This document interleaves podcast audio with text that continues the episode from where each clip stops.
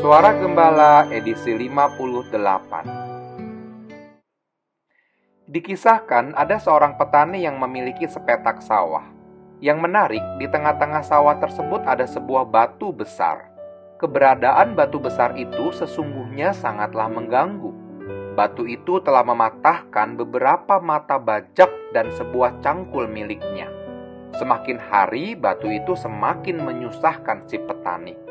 Suatu hari, setelah mata bajaknya kembali patah, akhirnya ia memutuskan melakukan sesuatu. Ia menancapkan linggis ke dasar batu itu dan mencungkilnya.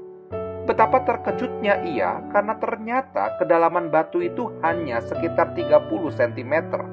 Dengan menggunakan palu besar, batu itu pun dihancurkan.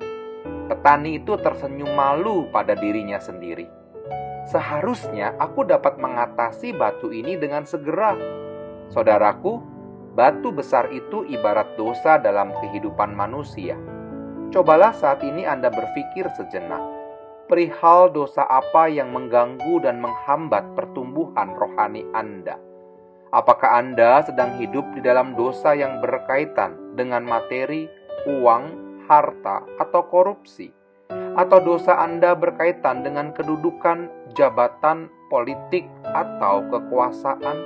Atau dosa Anda berkaitan dengan seksual, pornografi, atau perselingkuhan?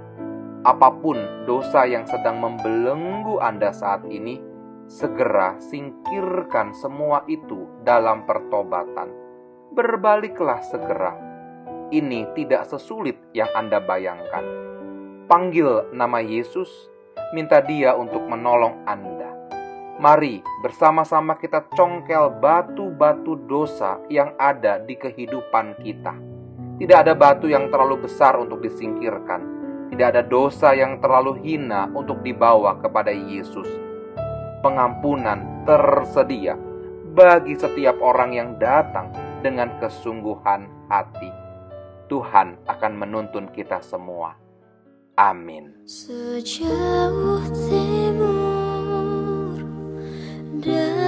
keberadaan